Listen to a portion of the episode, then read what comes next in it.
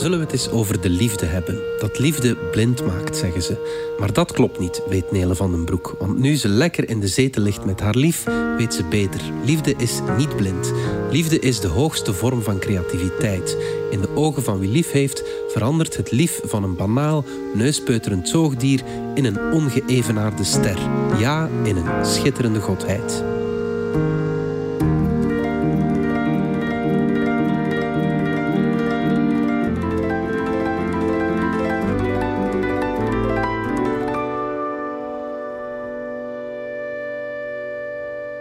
Opschorting van ongeloof.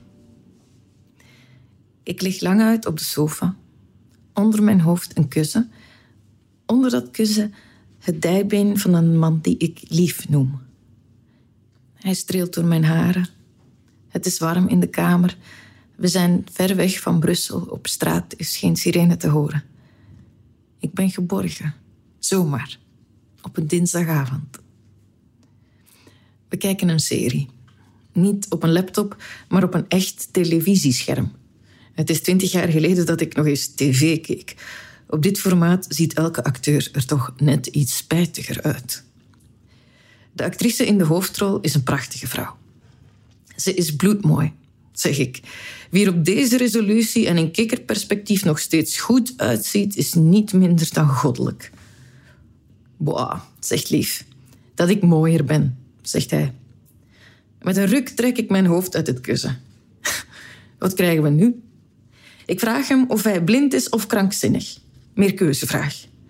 Hij antwoordt onbewogen dat ik de mooiste vrouw ter wereld ben.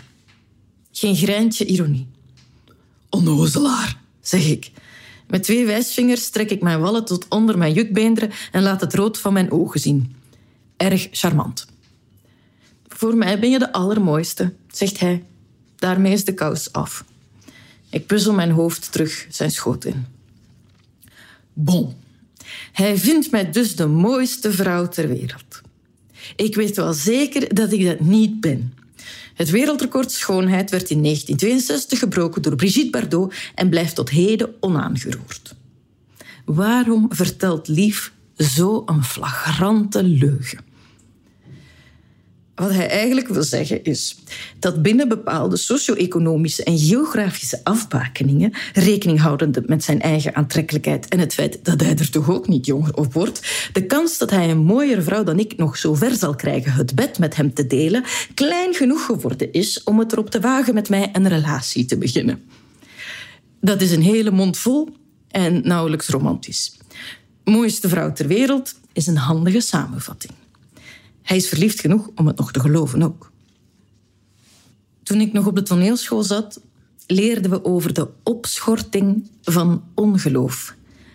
The suspension of disbelief. De acteur vraagt het publiek om even te vergeten dat het allemaal maar toneel is.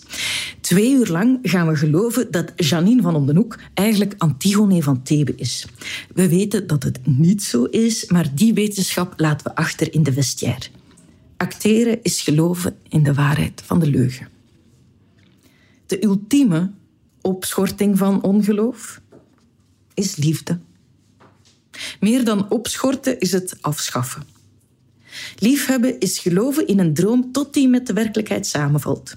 Liefhebben is zodanig geloven in de waarheid van de leugen dat de leugen waarheid wordt. En als de leugen waarheid is, dan is het geen leugen meer. Ik heb me laten vertellen dat liefde blind maakt. Maar misschien is net het omgekeerde waar. Misschien ziet liefde des te duidelijker het universum dat een mens is.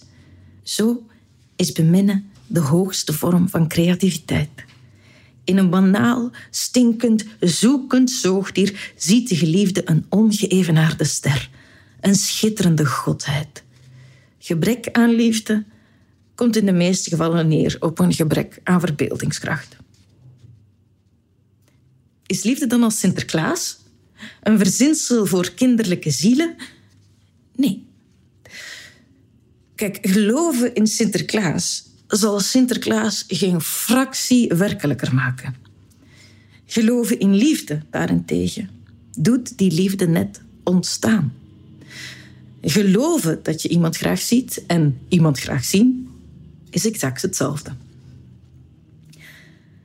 Op een plomp verloren dinsdagavond lig ik geborgen in een mannenschoot. Ik schort mijn ongeloof op. Mijn cynisme mag in de vestiaire blijven staan. Wat mij betreft voor altijd.